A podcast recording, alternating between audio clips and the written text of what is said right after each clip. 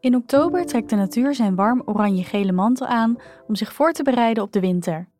Het sterrenbeeld van oktober is weegschaal en de bijbehorende planeet is Venus, die we verbinden met schoonheid en relaties.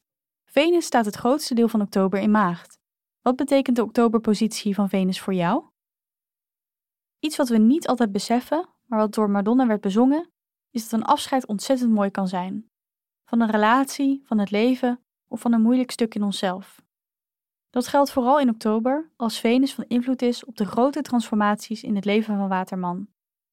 Dan gaat een diepe overgang gepaard met een soort gemak, een soort van zelfsprekendheid, waardoor je voelt dat het zo goed is en dat je het moeiteloos kunt loslaten.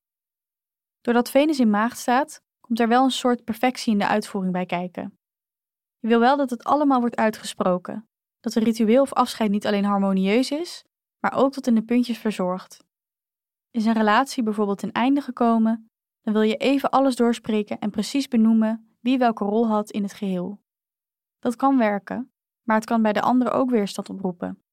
Probeer dat te respecteren. De ander kan in een andere fase van het proces zitten dan jij.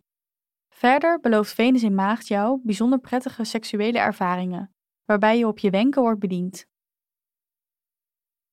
Bedankt voor het luisteren.